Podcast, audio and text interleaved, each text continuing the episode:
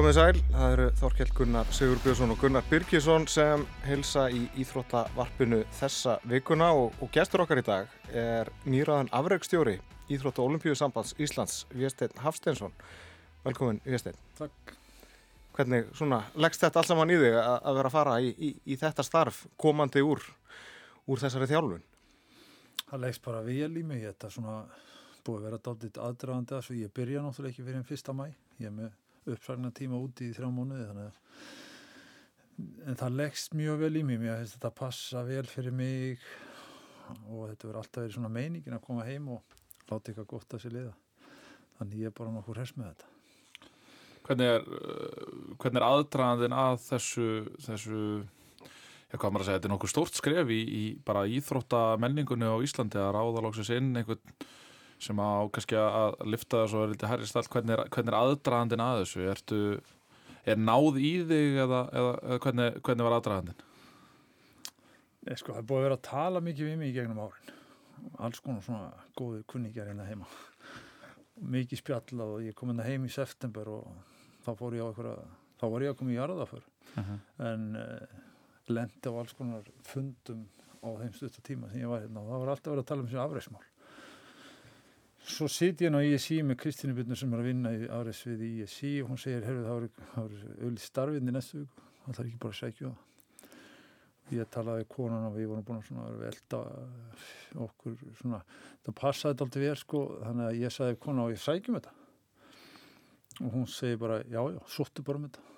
Og ég sagði, ég, ég býst ekkit við að fá þetta. Ég, en fyrst þetta er bara akkurat núna það verður bara sækjum þetta sko, þetta var eitthvað daginn áður ég átt e, e, þetta var eitthvað 7. oktober eitthvað svolítið þannig ég bara sóttum þetta svo, Mhm. svo hugsa ég meir út í það held bara áfram að þjálfa og og ég hef eiginlega aldrei sótt um neina svona stöður en ég hef bara sótt um þetta og það var bara gert í svona svona hálkæring í kunnin Þannig að það er ekki verið að ná í því í rauninni Nei, beint í þetta heldur. Erst þú að sækjast eftir þessu fyrsta staðan var auglist? já, ég, ég sótt um hana og ég er bara stoltur yfir því að, að ég leti skara skrýðalóksins að gera, breyta mínu lífi e, e, vegna þess að eftir ólbyrðingarna 2021 þá fór ég að hugsa sko hvað hvað hva, hva get ég gert? Þú hafði samband við mig þannig út í Tókjó og ég saði þá í beinni útsendu ég get ekki toppað þetta.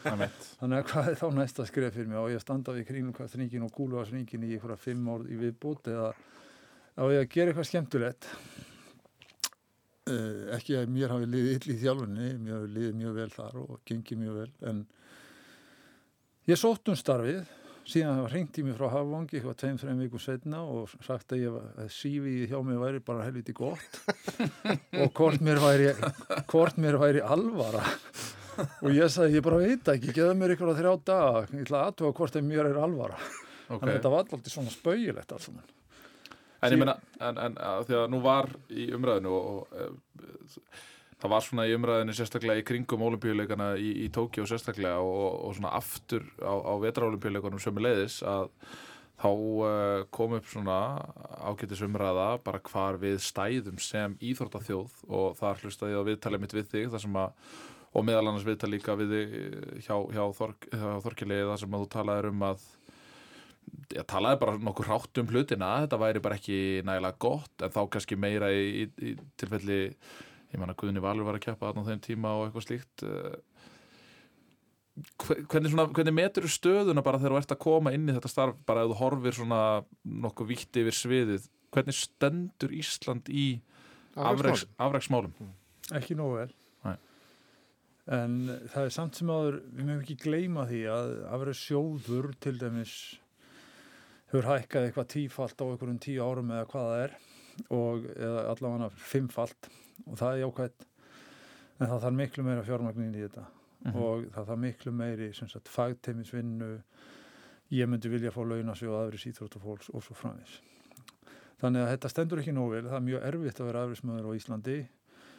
Og síðan eh, líka man, getum við að sagt sko ISI sérsambundin þurfa að vinna nánar saman í því að búa til afrisfólk það þarf að vinna með skólakerfinu akademíunum í skólunum og svo framvis þannig ég er að koma heim hérna með alveg rosalega stórtækar hugmyndir. Og ég sagðist ekkit vilja að taka þetta að mér. Ég fór í gegnum þetta ferli með, með stjórn ISI og Lársi og andra og síðan með ásmundi einari og hans liði í ráðunitinu og þá talaði ég bara einhverja 45 mínútur stanslust og saði bara nákvæmlega það sem ég vildi. Akkurat. og það bara tekið rosalega vel í það. Þannig að starfið sem auglýst það er bara allt annað starf en sko ég sótt um. Þegar ég fór að tala um hvað ég vildi þá er ég bara að bera það saman við hvað ég hef verið að gera ellendis Mhm. og ég vil bara innlega það hér og gera það bara ennþá betur hér Og ert það með lofórð um eitthvað fjármagn eða svona vilir þið allavega inn í Bara- það sem þú sért að gera? Já, sko bara rosalegan anda í ráðherra og hans fólki Mhm. ég var að koma að fundi núna með þremur ráðunitum þannig að það, það er það sem eiginlega svona kveikt í mér sko en þess að ég var alveg tvístefandi í þessu fram í janúar hvort ég myndi taka þetta ekki en ég ákvæði í janúar að skella mér á þetta og það var eiginlega tvent sem gerði það verkum það var bæði ISI fórustan og, og hérna ráðunitið vil, vill gera eitthvað og, og svo kom ég með tillögum að fara í gegnum þetta allt saman, alveg frá grunnskóla og í gegnum allt, allt ferli, sko, grunnskóla, uh, akademíuna, háskólasamfélagi, mælingar, mm -hmm. sérfræði teimi, afreis íþróttasjóð eða sem sagt launasjóð afreismanna með öllum lífréttindum og tryggingakerfi og batnaólöfi og, og allt þetta dæmi sem þarf að vera inn í þessu. Í staðin fyrir að afreis íþróttafólk allir að velja að vera afreis íþróttafólk þegar það kemur út úr mentaskóla kannski svo er það afhverjast í fólk í 15 ár á einhverju styrkjakerfi sem er tiltúlega svona lamað Já. og svo stendur það bara slipp og snöyt með engin réttindi þegar það er 35 ára og það hættir þetta gengur ekki upp Hvernig er þetta í samanbyrði? Af Því þú þekkir náttúrulega, hefur verið að þjálfa í, í náttúrulega Svíþjóð síðustu ára en líka verið að þjálfa í Danmörku og, og Íslandi og, og jafnvel viðar. Hvernig er þetta svona í samanbyrðinum? Sko? Mér finnst þetta að vera gott í Nóri og, og Danmörku getur verið betri í Svíþjóð alls ekki í Íslandi. En, en sko það eru mörg önnulönd sem er komið lengri í þetta. Ég fyrst þetta allt með í Hollandi. Það er gott og, og það er hægt að bera okkur saman og núna er þessi starfsópu komin á stað þar sem við erum að meta stöðun og vinna gögn. Hvernig er öll, öll þessi mál núna og hvernig er það í nákvæmlega löndunum og bera það saman og síðan á hvaða leið eru við, hvað er næsta skref, hvers konar ferli verður þetta og svo framvegis, mér finnst það mjög spennandi að vinni því. En er, eh, er of mikil einföldun að segja að þetta snúst um peninga? Nei, það er í svo engin einföld. Nei. Ég myndi segja að þurfti svona fjórun til fimm sinnum meiri peninga Akkurat. í þetta, ég er ekki að tala um kannski tíu sinnum akkurat núna sko, en ég er að tala um að setja stefnu til 2032 og það er, það er verulegt fjármagn og þá er ég að tala um sko, ef við setjum upp til dæmis ykkur afreis íþróttamistuð í lögadan að það verði síðan netverk út um all land í sambandi við sveitafjölin, hvernig alltaf sveitafjölin að koma að þessu? Hvernig getum við alið upp íþróttafólki í íþrótt og sveitarfjölum með, eins og við erum að gera erlendis? Mhm. og síðan akademiunni í skólanum auka, auka það starf og fylgja síðan eins og efnum eftir. Þannig að þegar þar að kemur þá er möguleikin til staðar að bæði að búa til uh, afrisíðastofólk eða þá að þetta fólk sem fer í gegnum þetta ferli alveg frá grunnskólu upp úr verði þjálfarar, leiðtóar, dómarar og svo fráins. Þessi afreiks miðstöð. Já. Getur útskýrt það konsept bara fyrir hlustendur sem að svona sig ekki á því hvað?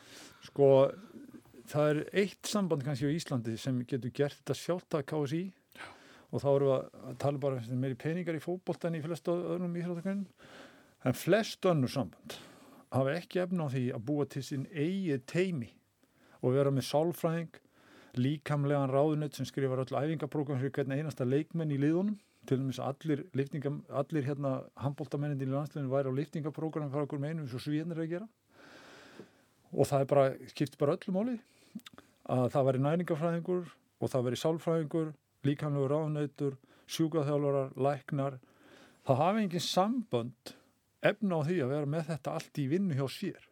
Þetta er allt bara eitthvað svona og menn er að fara og hoppa í einhverjar utanlandsferði sem sjúkaþjálfarar og fá mjög lítið fyrir það. En ef maður býr þetta til hjá ISI og síðan eins og ég er bara að vinna núna ég tökum bara dæmi Ég er með þrjá einstaklinga inn í ólimpíu kerfinu í Svíþjóð.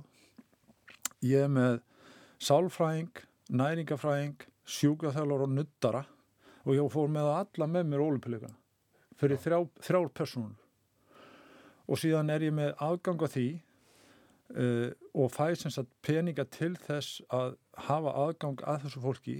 Þarf ekkert að borga það. Er, það er bara, það er bara sagt sett inn í budgeti fyrir hvern einstakling. Og þá hef ég bara aðgang að þessu og það er ólympíu nefndin sem borgar þetta. Það er ekki félugin og það er ekki sérsambundin og ef við búum til svona kerfi þannig að einstaklings íþróttamennir fara alltaf í nutt á meðugudum og alltaf í nutt á, á förstu dögum í tíu ár. Þeir fara alltaf í sálfræðinga einu sinni í mánuði. Þeir fara alltaf í næringafræðinga einu sinni í mánuði. Þetta er ég búin að gera í 20 ár og þá fer maður bara alla leiði í þessu. Þannig að ef maður er með efniviðin sem er til á Íslandi og eljusemin og kappsemin í Íslandíkonum hún er alveg þekkt að þá erum við með efn, efnin en við erum ekki með umgjörðina. Þannig að þessi starfsópur á að taka umgjörðin og búa til umgjörð sem er samkjöfnisfæf og síðan vil ég stjórna greiningar vinnunni á íþróttastarfinu sem slíka sem þetta, og, og ná þá hvað var takmarki fyrir heimsmjöstar mútið í handbólta, hvað var útkoman og hver er eftirfylgnin? Á liðinu, á þjálfurunum og hverju með einstakling í liðinu, líkamlegt atgerfi andleg geta bæði sem lið og einstaklingar. Þetta er rosalega spennandi vinn Þannig að þú ert að fara að koma inn í þetta Já, ég, Ert þú að fara að bara taka fund með Gumma Gumma og Gunnar Magg Já, og félögum ég- í, í HSI til dæmis? Já, já, ef ég væri byrjaðar í dag þá, þá væri það fyrsta verkefni við en það er, það er priority hérna fyrir olimpíuleikana 2024 og hvaða lið er að fara á olimpíuleikana? Hugsanlega handbóltinn kannski stelpunir í fótbolta 2028 og þá er bara priority og það er alveg eins og það er ykkur í tveiri, þrjir frjálstamenn, tveiri, þrjir sundmenn það er ykkur, ykkur í fleiri, ykkur í einstakling kannski ykkur í tíu tól sem hafa möguleika. Þá verður að fara að keira það alveg í botn og ofbóðslega lítill og stuttu tími en það, getur, það er hægt að gera eitthvað. En svo er náttúrulega ég að tjálta hér til 2032 og þá verður hægt að gera miklu betar hefur 2028 og 2032 og mér, það er takmarki á mér að allir skilja þetta á hvaða vegferð við erum að fara. Við erum að tala hér um allt aðra hlut en hefur verið hingað til. Miklu starra, miklu meira fjármagn miklu meira professional í þessu öllu saman. Kostar fullt af peningum kostar fullt af skipulasvinnu rosalega spennandi. Þetta er komið á stað. Ég byrja ekki svona offísjali fyrir fyrsta mæ og ég hef bara mjög stórar hugmyndur um þetta og ég á að vera svona flagskipi í því að koma þess að framfæri til allra og við viljum bara fá stuðning í því frá öllum aðlum þannig að allir átti sig á þessu og ég á að skipulegja þetta og sjá til þess að þetta sé gert. Ég held fund með gumma í vor og við fórum yfir handbóltan og það var bara mjög áhugaverðu fundur og endaði með því að, að ég skrifaði þetta aldrei fyrir þá HSI og, svona, og kom því á framfæri og síðan baði ég á bara býða þess að ég sá ekki fram á að vera hægt að fjármagna bara í HSI og frí hafði líka samband við mig og það er ekki hægt að fjármagna þetta heldur þar. Þannig að miklu næra að gera þetta eins og hinn Norðurlundin er að gera. Akkurat. Það er bara verið að gera þetta svona í Danmörku, Nóri og Svíþjóð. Ég hef verið að vinna í öllum þessum löndum. Og ég vil bara gera það eins hér. Og það er bara til dæla miklu auðvitað að gera það hér. En er eitthvað sérstætt land sem þú ert að horfa til að einhvern veginn að bera okkur sama við? Ég meina, uh, þú veist, nú fer ég svo sem ekki leint með það en, en mér er við þótt aðdáðan að verð hvernig norðmenn hafa taklað sín íþróttamál undanfæra náður með, með sérstaklega eftir með tilkomi Olympiatoppen og, og, og árangurinn hefur náttúrulega ekki látið á sér standa þar. Ég meina, eiga topp íþróttafólk í bara flestum af stærstu íþróttakarinn heims. Uh, Svíjarnir kannski ekki með svona kannski sama system en Team Danmark er síðan annað sem er svona svipað og, og Olympiatoppen en, en þetta er allt saman lönd sem að hafa samt sem aður á undanförnum bara tíu árum átt annarkort Olympíu velun, Olympíu gull uh, heimsmeistara, Evrópumeistara bara í raun og veru í, í öllu Ég er að horfa til allra þessar landa, líka til Hollands. Ég er með mjög góðan kontakt þar og ég, ég verði mjög líklega með mann þar sem minn ráðgjafa, Ok. sem ég treysti mest fyrir þessu. Hann var landslýstjálfur Breitlands í frjálsíðustu, mjög klánáðangi. Charles van Comone heitir hann. Og ég ætla að leita til hans svona með svona second opinion með starfsópin, með allt, alla þessa greiningavinn og svona og og, og eh, ég hef unnið mjög náið með Danmörk og Svíþjóð og aðeins minna með Nóri en ég veit hvernig kerfið er í Nóri og Erlingur Jóhannesson er í starflóknum og hann hefur verið mikið í Nóri og hann er náttúrulega prófessor í, í, í, í íþróttum. Og svo er ég bara rosalega hrifin á af danska kerfinu sko. Ég þekki það alveg út og inn. Mhm. ég veist því að er ekki alveg góður þó ég hafi náð mjög góðum árangrið þar Þú náttúrulega hvað, áttu olimpíu velun með danskan kúluvarpara? Já, ég er með fimm olimpíuvelum með fjóra einstaklinga. Já. og það er gert kantið tvisa sinnum og síðan Daniel og Simon og síðan Jókim Olsen, Silfur. Þannig að En bara svona, bara svona þannig að þetta hlaðar verði ekki þannig að, að hérna, við verðum bara í einhverju uppklappi að þá fyrir mig persónulega sem bara svona brjálaðan íþrótta svona enthusiast þú veist bara hef gaman af öllum íþróttum og get hort á hvað sem er og eitthvað svona þá náttúrulega eðlilega fagna ég innkomið þinni að því að árangurinn í raun og veru tala algjörlega sínu máli en, en það sem að fer samt sem áður í taugarnar á mér er að þú sért ekki sóttur að það sé ekki bara einhver frá ráðuneytinu, frá ISI, frá einhverju sem að fer bara út og segir, herðu, þekkingin sem að við höfum í Viestinni Hafstesinni, þekkingin sem að við höfum í Þóri Hergisinni, þekkingin sem að við höfum í Alfred Gíslasinni, þekkingin sem að við höfum í Heimi Hallgrímsinni, að hún sé bara farin og hún sé sótt. Já, en ég get aðeins róaði niður. Ég var sóttur, ég var sóttur 2014 Ok. þá stóð þetta til Mm. að setja upp hérna afriðs íþróttamiðstum það var IBR og ISI og ég var keiftur hérna heim. Og þá var aldrei fullt af fundum og svo gufaði það upp. Ekki spyrja mig að hverju. Ég var líka sóttur á Selfoss. Ótti að vera svona einhver afriðs stjóri yfir Selfoss eh, sem sagt bæjarfélaginu eða Árborg mér fannst þetta mjög áhugaverst var bara mjög nálægt ég tæki það sko. Og þetta er eitthvað til 2014 eitthvað svoleið sko. Síðan hefur verið svona ímislegt rætt og skrafað og svona. Svo skrifaði ég bara þegar ég skrifaði mína ferilskrá hann eða gerði hann svona aðeins upp og, og, og skrifaði eitthvað svona bref með þá sagði ég bara eins og ég væri kliftur og skorinn fyrir þetta þetta starf. Ég komst einhvern veginn að því að að mér fannst ég bara passa í þetta núna. Og þú ætti ekkert að vera að pyrja að ég hef ekki verið sóttur sko.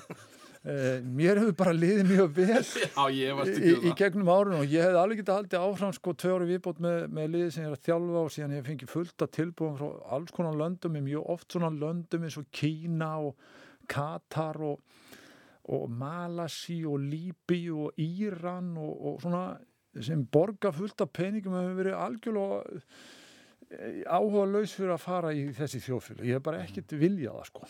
En mér var bóðið landslýstjálfarastaða Svíþjóðar í fyrra og líka sport uh, direktor staðan hjá frjálstöðsambundinu ég neitaði því vildi halda áfram að þjálfa. Svo bara einhvern veginn svona eftir 2021 sko.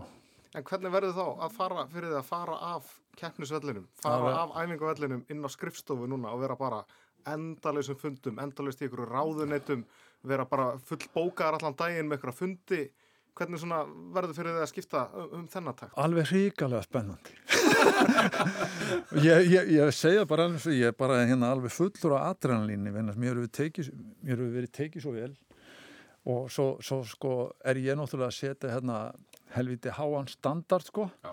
og, og ég er svona að vera svona feysið út á við að, að koma þessu öllu á framfæri og ég finn enga pressu ég finn miklu meiri pressu þegar Daniel er að keppa olimpíuleikonum Já. Þannig ég er ekkert að stressa mig yfir þessum ég finnst þetta bara alveg ríkalega spennandi starf og mér finnst það bara að passa fyrir mig Eh, bara, bara nota mína kunnáttu og, og það sem ég verið að gera í gegnum árin. Ég kann þetta ekkert allt saman en ég er með fullt af fólki sem hefur tilbúið að hjálpa mig með þetta og koma þessu saman. Og alls konar sérfræðinga í ráðunetum og, og hjá ISI og, og svo framvegis og háskólasamfélaginu. Það er bara mjög jákvægt og mjög professional starf sem er að fá stað þannig að ég, hérna, svona, ég er bara mjög spenntu fyrir þessu hvernig, eh, þú veist, hvað, hvað, hvað verða fyrstu skrifið? Þú talar um þetta, þetta priority þarna að sérstaklega vera að horfa í, í næstu olimpíuleika en þú talar samt sem að líka um að, að vilja fara í raun og veru og, og, og, og samþætta þetta eitthvað með, með grunnskólunum og mentaskólunum og eitthvað svoleiðis hver, hvar svona, hvar liggja prioritín eða for, hvar, svona, hvar liggur forgangsröðinu? Forgangsröðin er núna starfsópurinn til að byrja með Hverjir eru í honum? Því hér nefndir hann Erling, hérna, er búið að skipa hann að sagt? Já, ég var að koma fyrst að fundinu. Það er fulltrúi frá helbriðisráðunitinu, vinnmálráðunitinu, mentamálráðunitinu og síðan er það frá ISI og síðan er það sagt, tveir úr ISI, einn úr pólitíkinni, Uh, Örvar Ólason hjá ráðuneytunum verður mín hægri hönd sem að var hjá í síðan lengi í fyrir- afreiks já. deltunni já. og Kristín Birna sem er í svið, svið, sviðun, hana afriðsviðun hjá fyrir Já, það eru þau tvö sem svona aðstofamenn mín eða sam, sam, vinnað í samvinnu Ok. og ég formaður þessar starfshóps og þau hjálpa mér með það og allt upplýkningasteymi og þetta er komið á stað vorum, að vorum, ég var að koma á fundin og það er priority og við erum að skila okkur fyrsta september sem er rosalega stuttur tími. Og ég ætla að gera þetta almennlega þannig að ef ég þarf lengri tími í þetta þá verður bara að hafa það. En ég vil bara gera þetta almennlega ég vil bara koma þess á, á, á koppin sko og gera þetta almennlega og mér finnst þetta þessi, það var líka frá samtökum sveitafélag þannig að mér finnst þetta mjög góður hópur og síðan er þetta ekki bara að sitja á skrifstofu Þorkel sko, við eigum að fara hringin í kringu landi, við eigum að heilsa upp á fólk, við eigum að tala við öll síðarsambundin, við eigum að tala við alla landslið sjálfara og allt þetta. Og það gerir það að verkum að þetta gengur allt út á sko, samskipti, samræður og samvinnu. Og mitt takmark er allir skilji hvað erum við að fara út í. Og það sé ekki bara einhver einstefna frá mér. Þetta sé bara starfshópur sem er að koma þessar leikindi. Það er nummer eitt nummer tvö það er priority fyrir olimpíuleika 2024 í þessum olimpíu sportum að sjá til þess að greiningavinni komast í gang og síðan þeir sem eru á afri sjóði að ég fari strax í það þegar ég byrja í mæ að tala við alla þjálfara og búa þetta til svipað eins og er á Norðurlandunum þá er sko fundir með afrisfólkinu tvistunum ári. Þá situr afrismadurinn þarna og þjálfarinn við hliðina á honum. Svo eru teknir á teppið. Og þá er, við, þá er, þá er ég sem kem til með að spurja þessara spurninga hvernig gekk á miðaði hvað takmarki var? Æmitt. og hver er eftirfylgnin? Og hvernig er sálfræði þátturinn, hvernig er líkamlegi þátturinn, hvernig er tæknilegi þátturinn, hvernig er mælinga þátturinn, ertu að vinna í þessu, hvernig er þjálfara þátturinn, hvernig líður þjálfaran, hvernig líður eh, leikmanninum eða, eða einstaklingsýþróttamanninum og þá erum við priority fyrir þann hóp sem er að fara á olpilíka og þá sem er á afrisjóði. Síðan er næsta starf, það er að búa til út úr starfsóknunum nýjan hóp sem ég veit búa til sem er þá framtíðafólki eins og þau eru að gera út í hinnun og öndunum. Þá erum við að styrkja fleiri aðila. Þá þurfum við miklu meiri þá erum við að tala um eins og Daniel Stól hann kemur inn í þetta kerfi í Svíþjóð sem tvítur. Hann kemur ekki inn í það þegar hann orðin góður það er bara að veðja á mig og hann.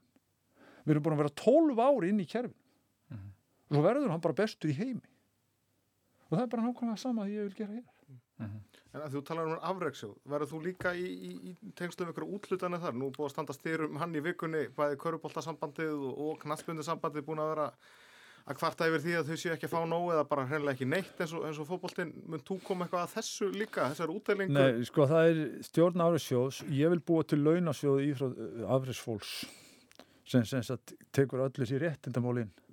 ég vil breyta þessu.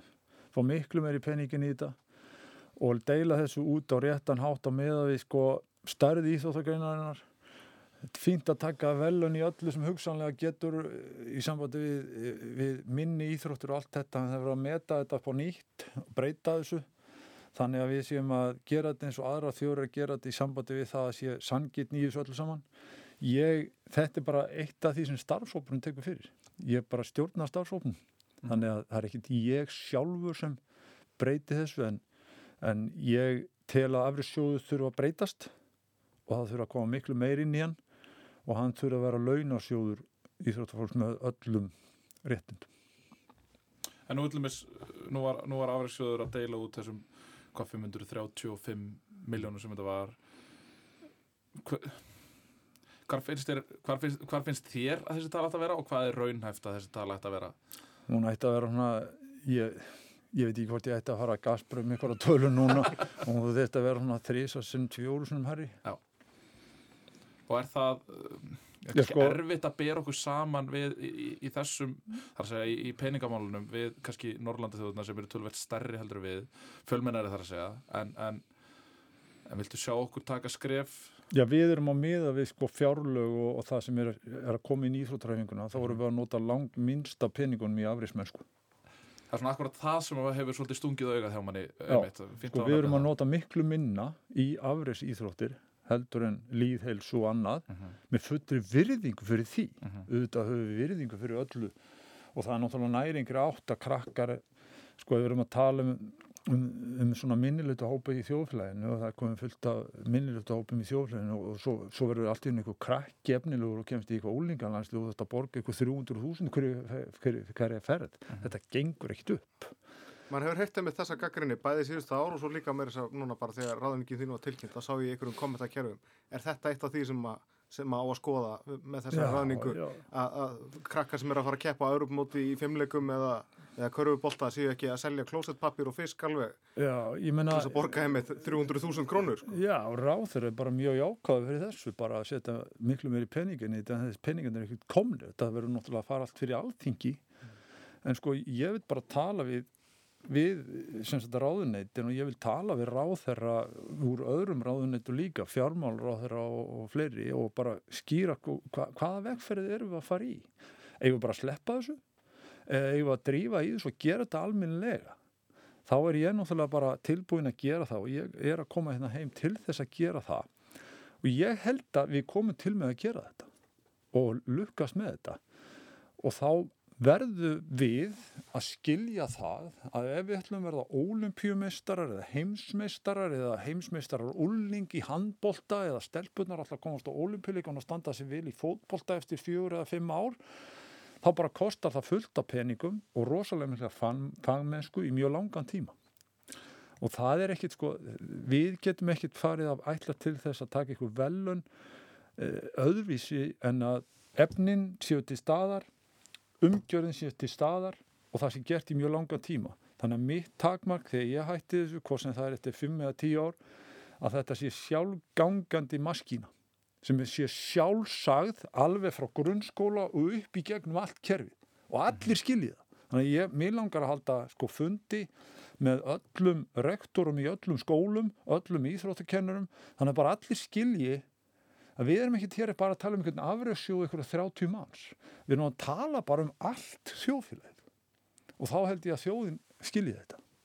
Það er með þetta bara oft veldi fyrir sig sko hversu, hversu íþróttasinnu þjóð við erum. Að því að nú sér maður til dæmis bara þegar við höfum verið að sína þessa stóru íþróttaviðbyrði hér að þetta er oftar en ekki þeir viðbyrði sem að fá hvað mest áhorf hér á ríkisjórfinu uh, og þegar að einhvern veginn svona þegar að það er meðbyrða þá eru við svakal íþróttathjóð við sjáum það með, með strákana í fókbóltanum sjáum það með stelpunnar í fókbóltanum sjáum það með, með hérna, strákana núna í handbóltanum í januar að þá er einhvern veginn svakalegu meðbyr og, og svo leiðis en Svo séu við líka á Erlendu þjálfóran það er allir, allir tím Þórur Hergjesson í desember Akkurat. og Viestedt fegn og heldur betur mikinn áhuga frá íslensku þjóðinni í, í, í ágústi 2021 í Tókjó Akkurat. Uh, og, og þá veldur maður í fyrir sér svo horfum maður hingað heim.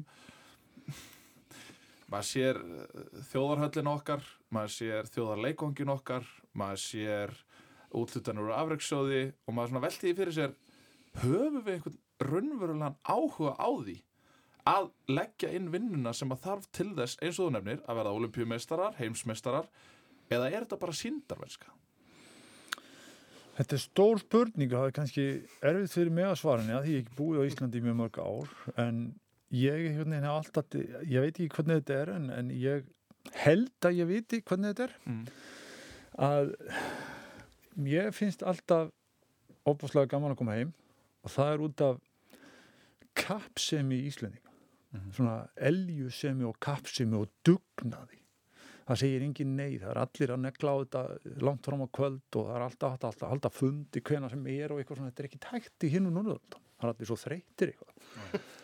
Þannig að mér finnst alltaf ég, ég verði allir fullur af adrenalínu alltaf því ég kem til Íslands og ég held að það sem er gott fyrir íþróttir. Aftur á móti er dýrt að búa eða það var alltaf tíð verið aldrei svona laða við okkur að sé eitthvað svona lífsgæða kaplaup og svona en mér finnst uh, að það sé hægt að gera þetta og mér finnst einmitt þegar fókbóltinn 2016 og svo íðan handbóltinn bara núnum daginn sko mm. þá er allir upp á háa síðan bara all, bara all, þetta er bara eins og Ingemar Stenmark og hérna Björn Borg í gamla þetta í, í Svíð og skólarnir bara stoppuð það var bara ekki frí til þess að horfa á Ingemar Stenmark þegar hann var að fara niður niður sko að því að hann var orðin svo stór sko. Ég held að það sé engin mun á þessu hér. Mæmi. þannig ég held að Íslandinga verið bara mjög stolt yfir því að við förum að raka saman alls konar medalíum í framtíðin í Íþróttum. Svo þarf bara að skilja tilgangin með því skilur við mm og tilgangurinn er að ég hef verið að halda fyrirlest út um allan heim og þá er mín heimskip speki alltaf svo sama að ég enda eiginlega alla fyrirlestur á því að hver er tilgangur með, hva, hva- hvað erum við að spá í, við erum með eitthvað 30 ára gamlan strák sem er að kasta kringlu Mhm. og ef þú ísólerar það frá sko og ef þú- þú kí- kíkir bara á hvað hann að gera ef þú bara sparka bolta sko þá er þetta í sjálfu sér fáranlegt sko Mhm. en þetta er bara svona symbol til þess að safna fólki saman Mhm. og gleðjast yfir ykkur þetta finnst mér einmitt vera líkil punktur og ástæðan fyrir því að einhvern veginn að maður á svo erfitt með að skilja fólk sem að er ekki tilbúið að annarkvort ef það vantar meira, meira, meira fíi eða eitthvað slíkt, ég meina bara það að sjá þig fullorinn mann þjálfara tárast af gleði yfir árangri yðgandaðins mm. þú veist, það er eh, veist, er eitthvað annað sem að kallar þetta fram heldur en íþróttir? Ég veit ekki, sko, þetta er náttúrulega ég, ég er svona, dálítið svona tilfinningamæður og ég lifi mynd dálítið inn í þetta og, og, og, þetta er alltaf sama þegar að gulli kemur þá er alltaf þetta sama þá tárast maður að gleði Mhm. og það kemur strax alveg strax inn í hausinn hvað ger ég núna svo kemur tómleiki eftir svona 45 til 60 mínútur þá sýt ég einn einhvers staðar Mhm. og er einhvern veginn svona dálítið tómur í hausnum sko svo kemur dagurinn eftir og dagurinn eftir og svo komum við heim og allt, og allt brjálað sko. Og eitthvað rosa celebration og alls konar prísar og eitthvað svona. Og voða gaman sko, allir að taka mót okkur og allir ósku til hamingju og svona. Og þá átti ég mig á þessu, það er alltaf sama sem þú súti það er ferðalægið þetta er svo rosalega sko, þetta er svo opbáslega skemmtilegt ferðalag.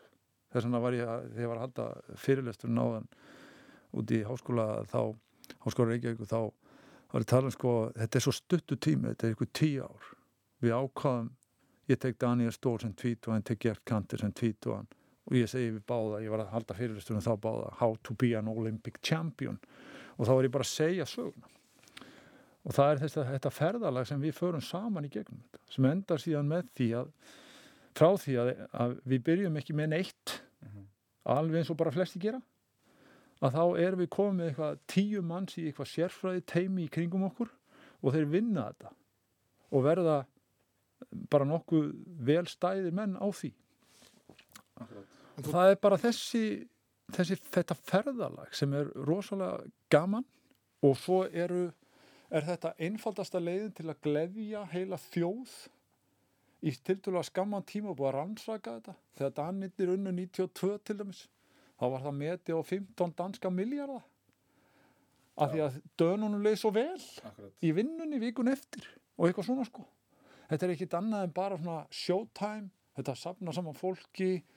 Þetta er svona þjóðastólt er þetta ekki bara holt ég held að það sé mjög gott sko. Og svo hafa krakkarnir ykkur ædol sko. Bara algjörlega. En þú náttúrulega, þú, þú ert ekki bara þjálfari, viðst þið, neða búin að vera það síðust ár, uppalega ertu náttúrulega íþróttamæður. Hvernig svona, ef þú segir okkur aðeins frá þessum íþróttaferliðin, hvernig, hvernig íþróttamæður varstu? ég var uh, rosalega miklu æfingamaskína sko Þú varst í kringlukasti fyrst Já, og ég fremst. aði rosalega mikið og var líkamlega svona alveg sæmilega sterkur og kastaði kringlun ágætlega en ég gæti aldrei keft alveg á þessum stórum út.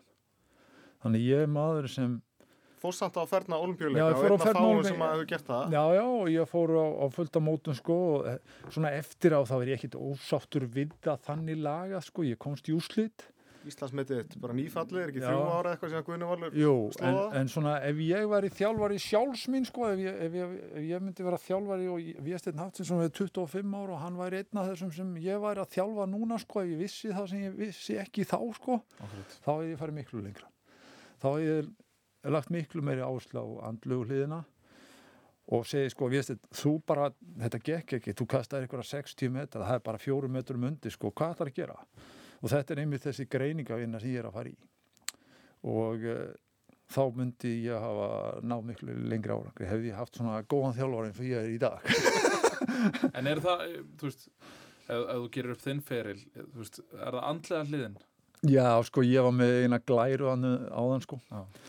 Og þá sett ég mig og mitt sérfræði teimi á miðað við það sem ég bjó upp í kringum Gert Kantur og Daniel Stól eitthvað 10-11 mann sko ég var eiginlega ekki minn eitt, ég var eiginlega minn eigin þjálfari, ég var eigin umbósmaður, ég fór aldrei í nutt, ég fór mjög sjaldan í ykkur að sjúka þjálfun, engar mælningar ekki neitt, bara amatör sko. Ég held ég væri hrikalega góður sko, að því ég var það svona döglegur í að redda þessu öllu sjálfur, þetta er bara algjör amatörum sko.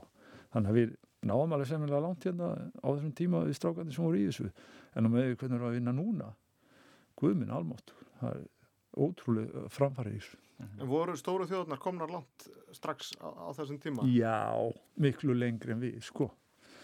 Ég kynntist þetta aldrei í Östur-Európu, Bandaríkjónum og svona á þeim árum, sko. Og það er ekki að það saman hvernig það var hérna þá, sko. En rosalegur andi alltaf í okkur, sko. Við fórum langt á því. En ég til enga ástæði núna í þessu nútíma þjóðfélagi að, að, að þurfa að vera eitthvað eftir á í þessu.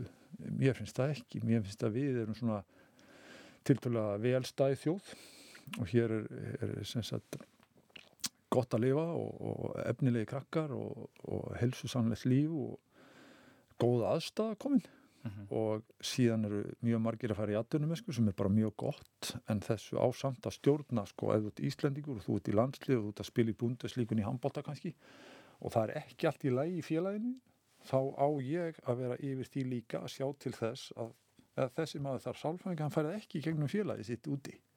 Þá sjáum við til þess að hann fái það. Mm -hmm. skilur, að því að tíminu að, sko, heiminu er svo lítið út af út af að það er alltaf að tala saman skilur, og alltaf fundi út um allt sko Þú talar um að þú, þú munir funda með landsliðstjálfurum í hinnum á þessum greinum og svona Já. hvernig leggst það í þig? Alveg svakalega vel og, og hvernig heldur þau verið tekið af, af, af ýmsum karakterum?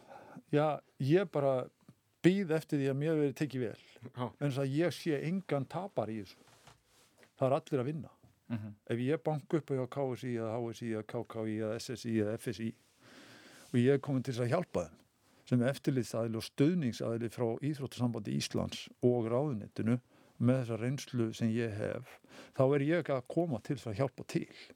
Þá vona ég bara allir opni dittna fyrir mér. Uh -huh. en ég er ekki að koma til þess að þrykja ykkur um niður ég er að koma til þess að ná árangur í Íþróttum. Og það er bara búið að ringi öll sambandin og spurja er ég með stöðninga bak við mig? Og það sagði öllur 100% já.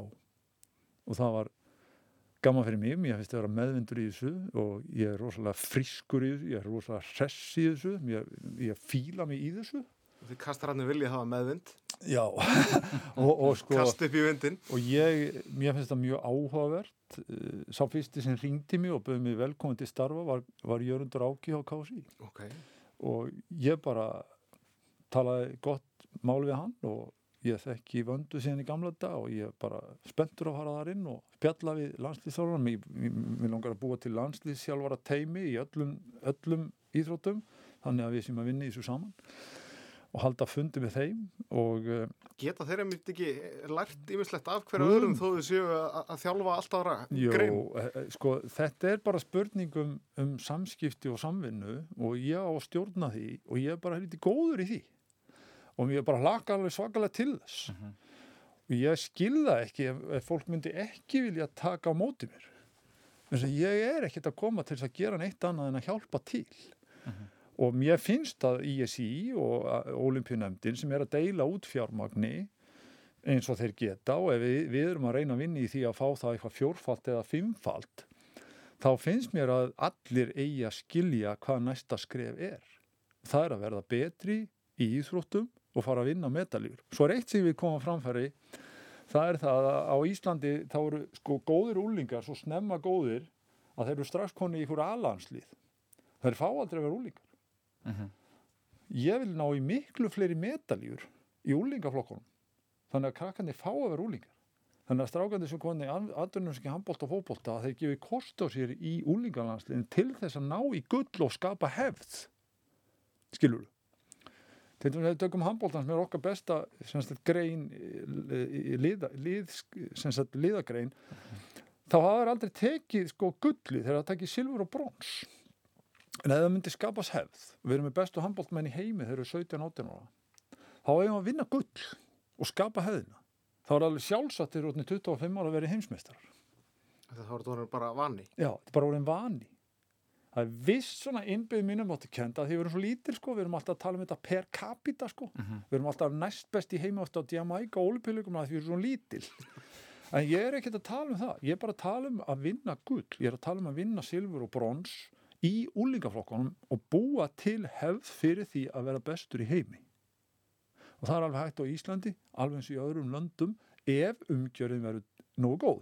Ef, ef hún ekki nógu góð þá gerum við það ekki. Einmitt. En nú, svona af því að fyrst að við ræðum afrækssjóðin uh, verður eitthvað meiri eftirfylgni hvert peningarnir fara því að þetta er annað sem að var líka rætt hjá okkur í, í Olimpíukvöldunum Ígólfur Hannesson átti, átti stórleik þar maður er náttúrulega sem að þekkir svolítið bæði, mismunandi lönd og, og svona hvernig, hvernig á að bera sér rétt að í þessum málum uh, verður fyllt eftir hvert þessir peningar fara þar að segja að Hvað er gert við þá innan hvað, sambandana? hvað er gert við á innan sambandana að þessu ráðstafa rétt og, og, og er það þá líka eitthvað sem að, Já. sem að þú sérðu? Bara stutt svar. og það verður gert og það er verið að gera það núna strax sko. Það verður að endur sko afriðsjóður núna bara mjög fljótlega. Mhm. eiginlega áður í byrja. Ég var á svona fundi með Lárusi og, andra út af því í gær. Það búið að senda út til allar sérsambandana hverju við vilja breyta og svo framvís ég vil gera þetta eins og ég verið að gera þetta í nákvæmlandunum mjög mikil eftirfylgni. Já. þannig að það sé alveg nákvæmt að það sé verið að ákveða að styrkja ykkur einstaklinga eða lið og ná árangri í þóttan og nota á réttan hátt. Mhm. og ég veit hvernig á að nota að ég hef verið í þessu kerfi sjálfur bæði í Danmörku og Nóri og Svíþjóð og hef verið tekin á teppið af hinum. Núna ætla ég að taka fólk á teppið ekki á neitt neik, neikvæðan átt Nei. það verður allir að skilja þetta sko. Ég verð þessi maður sem, sem spyr þessar óþæglugu spurninga. Sko akkur náður ekki þessum árangurinn sem þú varst búin að setja upp hvað fór fórgólum það er ég sem kem til með að stjórna því Aðhald, skulum við aðhald og eftirfylgni, Já. hvert var takmarki, það gekk ekki upp. Eða takmarki gekk upp og gekk bara miklu betur. Þá vil ég líka fá að vita hvað var það sem gekk svona ríkalega vel. Mhm. Og það stú ekki, þá bara minni peninga að því að gekk svona vel. Skilur, svo ferð þú kannski allt að þjána fullt af peningum að því að gengur vel, þá mingar kannski styrkurinn að því að við erum að búa til afriðsfólk. Síðan verða það atvinnumenn og þá eru þau komin í góð mál, sko. En það er samt sem ára að fylgja þeim eftir. Ég fylgst mjög vel með handbóltanum í gegnum árin að því að svona minn í handbólta og síðan er Jóndi hann á bekknum hjá Gumma og ég og Gummi hefum rætt málindaldi. Og þá finnst mér hægt að gera alveg ótrúlega hluti í svo líkamlega geira. Við tökum bara besta handbóltamann heims, Jim Gottfriðsson. Þá hef ég verið að fylgjast með því hvað hann hefur verið að gera. Því að besti vinnur minn er að þjálfa hann í líkamlegu þjálfunni Mm. Ég veit alveg nákvæmlega hvað hann er að gera og ef við horfum á Jim Gottfriðsson í dag og kom með hvernig hann var fyrir þreymar árum síðan þá er bara allt annað að sjá manni hann er í miklu betra formi Mhm. og ég veit alveg nákvæmlega hvað hann er að gera Eru, að þú talar um þetta, það var náttúrulega, þú varst með þessa selfisingu í handbóltanum, Já. liftingaprogrammi, er, þeir eru náttúrulega, já, eitt fjóruði af, af þessu landslið okkar í dag. Já. Eru þeir uppálega allir á, á liftingaprogrammi frá þér og jafnvel ykkur er ennþá? Svona mestu leiti sko. En ég er náttúrulega ekki að fara að skrifa prógram núna fyrir fólk Nei, en nei. ég get séð til þess að fái það. Já, og ef við tökum til með uh, svona kannski liða íþróttirnar á Íslandi og bara víðar í heiminum þá, þá, þá er sko rosalega áhersla á boltan sko. Rosalega mikið analysis svona á, á handboltan og fótboltan og köruboltan og svona. En svo er bjátat aldrei á með þetta líkamlega og þetta andlega. Og þá er ég alltaf að tala um einstaklingin í hverju liði fyrir sig hver einstakling, við tökum bara eitthvað dæmi, ykkur er 35 ára og ykkur er 19 ára í sama liðinu. Þeir eru að fá sko mismunandi liftingafrókum og með við aldur og hvað eru sterkir og hvað eru konið langt og svo framvegis. Og ég held að þetta sé ekki gert en þetta er gert til dæmis hjá svíjan en þess að ég veit bara hvernig það er gert. Mhm. og síðan í sambandi við hvernig einstakni hvernig líður hvernig eru fjölskyldumáni hjá þér úti í atunum sko, gengur þetta upp fyrir þér er þetta bara allt í ykkur rattreisi sko. Og þannig að þú ert að koma og svo ertu meittur hver er ástæðan fyrir meðslun svo er verið að tapa ykkur um leikjum vegna þess að það eru meðsl í gangi. Og þá er þetta bara ágætt á miða við allir voru margir meittir eða eitthvað svona. Ég er ekki að tala, ég er bara að tala svona almennt um þetta sko, það er engin afsökun. Akkur ertu meittur akkur ertu meittur, það er aðal málið sko, dastu og meittir þig? Nei, þú ert meittur út af einhverju sem er ekki í lægi og þá er þetta á minni könnu að sjá til þess að þessi líkamlegi ráðunötu sem ég vil hafa í vinnu hjá ISI eða fleiri í samvinnu við næringafræðingin í samvinnu við sjúkraþjálfaran í samvinnu við nuttaran er þetta andlegt sem gerir það að verkum að þú mittir þið er þetta líkamlegt, er þetta of mikið álag, er, er verið að spila þessa stráka sko og stelpur meita í prófslífinu sko, úti, já, það er verið að gera það, það er verið að þjörsna þeim út. Og ég þekki þetta líka frá Svíþjó sko, Aslani hérna, Kom í svo fó- voru Aslani já, hún bara hætti í Real Madrid út af þessu, Já. að hann hefur bara þjörsnað út. Og þetta er bara ekkert í lægi og þá verð ég að skipulegja það þeim sem er verið að þjösnast út í atvinnumönskunni þá verður sem sagt, minn maður hér heima sem verður þess í samskiptum við kannski þennan leikmann að sjá til þess að hún sé ekki þjösnað út og þá eru bara að fara til þessi og Solberg og þessi vinnur minn þeir fara bara í alla bundeslíka klúbana sem svíjarnir er að spila í og tala við þjálfarana og tala við líkamlegu þjálfarana, nuttarana og alla og búa til plan með. Þetta vil ég gera og þá vinna þessi strákar gull. Ég er alveg gjörsanlega með það á hreinu að Íslenska landsliði handbólta hefur möguleika á að vinna gull, þeir gera ekki og, og stelpunir í fótbolti er rosalega hrifin af þeim að það geta að fara í alveg bara alla leiðis en þá verður líkamlegi andli hlutin að vera í lægi bæði hjá hverjum leikmanni, þjálfurunum og liðinu. Hvenær fyrir þessi afreiksmiðstöð almennilega í gang? Getur við Það fer svona, eftir í komin einhver tímar á mig á það? Nei, sko það fer eftir hvernig þetta er allt í bundi í fjárlega þegar ríki kemur til með að koma peningan inn í þetta vonandi. Og það, þetta verður að fara rólega á stað, þetta er að viss, viss vísir að þessu til sko. Og síðan verður þetta bara að þróast næstu árin. Þannig að ég eh, er algjörlega með á hreinu sko hvernig á að gera þetta og ég er að bera það saman við sem sagt, ég er ekkit bara einhver einslæsings íþróttamöður eða kringlukastar eða frjálsýttamöður ég er bara búin að kynna mér sko þess að líða íþróttir mjög vel. Þannig ég er bara með nokkuð mikið á beinunum í því sko. Og mér finnst það bara mjög spennandi. Alveg rosalega áhugavert þarf að koma þessu á laggirnar og ég held að það sé ómögulegt fyrir fólk að miskilja þetta. Skilur þú? Já, já. Hvernig, eh, hvernig var að samfara konuna þína að flytja hún, Íslands? hún samferði mig Hún er sænsk, það ekki? Jú, hún er Hefur hún búið á Íslandi? Já, já, hún búið hérna mjög stuttan tíma 1987 og 1996 til 1998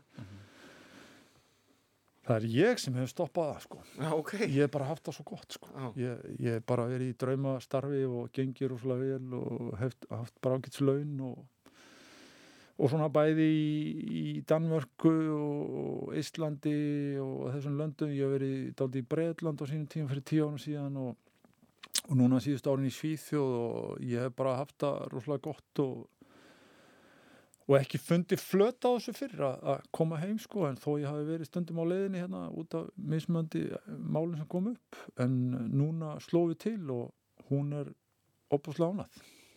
Hvernig er bara svona rétt undir lókin bara svona fyrir þig horfandi á þetta hafandi kynnt þér og við erum að tala um þessa liðsýþróttur annað, ég menna ég held að staðrendir sé bara svo að, að í þessu stærstu íþróttagreinum að þar er kannski svolítið á brattan að sækja að, að vera eitthvað að horfa í, í metalýr á, á stórmótum, ég held að það sé bara eðlilegt að hugsa þannig að, að við eigum kannski meiri séns í maður að segja innan gæðslappa minni íþróttum. Ég meina handbólti kannski hlutvarslega minni heldur en til dæmis fótbólti, körubolti eitthvað svo leiðis og svo sömu leiðis einstaklings íþróttagrinnar sérstaklega þá eins og, eins og frjálsar, skýði annars líkt ég veit ekki alveg hvernig ég á að koma svo frá mér. Ég, sko, Það er rétt ekki- sport, re- setja meiri fókus á eitthvað, eitthvað umfram manna minna. akkurat. Já, Eh, það, hef, það hefur verið talað um það og þessi starfsfólku kemur tilögur um það eh, þegar það er að kemur að það verður eitthvað svona forgámsröðu núna í byrjun. Já.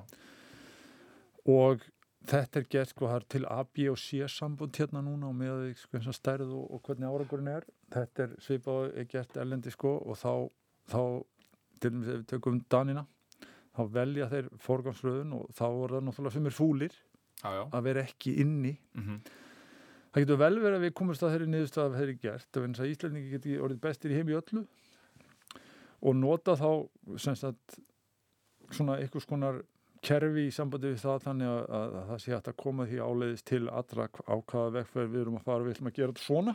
Og það er gert svona kannski í Hollandi og Danmörku og þá verður það bara ákveðið að þessum starfsópi og, og, og íþróttarhefingun að gera þetta þannig og það þýðir þá að það er hægt að gera svona projekt líka fyrir þá sem eru kannski ekki inn í þessu kerfi og síðan líka þetta framtíðadæmi sem er mjög stórt í Svíþjóð. Það verður að senda unga krakka ólupileikana vegna svo þau að ná árangri á næstu óleikum. Þetta vil ég innliða hér. Þannig að við séum alltaf með þetta afreikslið og segjum að þessi ykkur hefð fyrir frjálsum, sundi og, og svona, en strákarnir fóru í topp 8 í fótboltanum og fótboltan er stærsta já, já, grein í heiminum.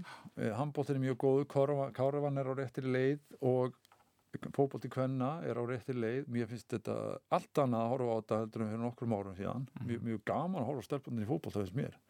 Og hún sveindist til hann var einn af þeim best, bestu í heimi sko. og ég sé enga ástæð til sko að, að vera með minnum átt að kendi yfir því að, að vera ekki með í svona stóru sportum vegna þess að það eru svo margir yðgendur í þessu. Já. skilur við, það er ofsalega mikið að segja líka. Sá nú Ólafía Þórun, hvað, náði fjóruðasæti á einhverju móti og LPGA meðan þar, Já. var þar inni? Og ef við tökum bara til þess að ég fer inn í frjálsíðusti sem er náttúrulega svona global sport í Svíþjóð, enginn hef fyrir að ná neinum árangri í kasti íþróttum. Mhm. svo förum við bara alla leiði þessu. Það tók tíu ár nákvæmlega. Og kúltúri núna í, köstunum í Svíþjóð það er bara algjör bylting. Og ég er maður á bak við það. Akkurat. það er bara þannig. Já, bara, og að vera heiðra mig til hægri og vinstri út af þessu. Og ég er bara stoltur yfir því. En núna vil ég að koma þetta heim hérna og fara í gegnum þessa vinnu, þessa ferðlisvinnu með þessum starfshópi og síðan með íþróttarhefingun og fara inn í þessa greiningavinnu, prioritera eða á góðu tungumáli sko e, forgámsraða forgangsraða hvað er mikilvægast núna í byrjun bara fyrir næstu ólupeilik á næsta ár og síðan til 2028-2032 og þá verður bara komið ljós hver ég e, e, stjórnaði þess ekki sjálfur en við komum sjálfsagt til með að komast að einhvers konar forgangsröðun og að negla á einhver sport framfyrir önnur en það þýðir ekki að vera í lóku hurðinni á önnur sport, það verður kannski gert einhver önnur vinna í sambandi við það þannig að gera sporti stærra með meiri fjölda og svo framvegis. Mm. þannig að það er bara eins og danska frjálstasambandið var inn í A-grúpu þegar ég var. Svo fjallanir í C á tímabili. Nú þá var ekkit annað gert en bara nelt á að vinna betur með minna fjármagn og þeir eru komin upp í A aftur sko. Mhm. Þetta er líka svona ferlisvinna sem þarf að vera í gangi þannig að, að það eru bara komið ljós hvað kemur út úr því hvernig þetta verður í framtíðin en, en það er búið að tala mikið um þetta. Við varum að setja punktinu, ertu með henni í lokingunni? Já, ég, ég bara, þú veist, ég vona að 2032 eða setna þá munum við ræða að stærsta afrikið þitt hafi verið að setja lakirnar þennan, þennan, þessa afriksýþróttamiðstöð en, en svona hinga til á ferlinum. Hvað er, Ég, ég hef engar ágjör af viðstinni, ég hef miklu meira ágjör af stjórnvöldum sko. Já, ég, ég bara deili þeim áhugjum en bara, en, en ef við tölum við veist sjálf hvað er stærsta afrekið á, á þínum ferli bæðið sem íþróttamæður og þjólari bara ef þú- ef þú horfir svona heilstætti yfir tilbaka það er Tókjó Já. en það var það byrjunin á því að ég hætti sko. Og ég saði það topnum ég, á. ég saði það við Þorkel sko. Ég, ég var alveg í geðsræningu hann að ég talaði við sko. Alveg gjössanlega búin á því sko Þú varst nýbúin að segja að, að það væri ekki eins og panta pítsu að vinna gull Nei. Og, Svo sagði nú Sigurbjörn Árni í lýsingunni, þetta leit nú illa bara út fyrir að vera jafn létt og panta pítsu. Þetta kasti á stól allavega. Já, já, sko, þetta var náttúrulega alveg ævintri líka, svo náttúrulega leiðilegt þetta var inn í COVID og eng, engir að horfa á svona antiklímas í því öllu, sko. En það breytir því ekki að þeir kostuðu langt og jafn langt og ég meina Daniel var að kasta hann að sko þriðja lengsta kast í sögunni fyrir, fyrir kringlukastar ég er bara mjög stoltur yfir því og, og eins og ég sagði, það var byrjunin á því að ég hætti þessu, eða er að hætta þessu og alltaf þá reyna að gera eitthvað hér heima og ég er alveg sammálaður í því að ég, mitt takmark í þessu er að fá íþróttarheifinguna til þess að vinna saman og stjórna því og ná að vera með svona rosalega gott afreikskerfi alveg frá grunnskóla eða high performance kerfi og það, fólk má ekki miskila mig. Eh, það er svona kannski etist vittlust að vera að tala um einhver smábötni í þessu sko. En ég er að tala hér um, um fagmennsku alveg í gegnum skólakerfið. Í íþróttakenslu, í félugunum og svo framvegis sem gerir það síðan að verkum að þegar krakkarnir eru komin á viss aldur þá er möguleikin til staðar að vera afriðs íþróttamaður eða kona. Vinstin Hafstensson, takk kærlega fyrir komuna í Íþróttavar Takk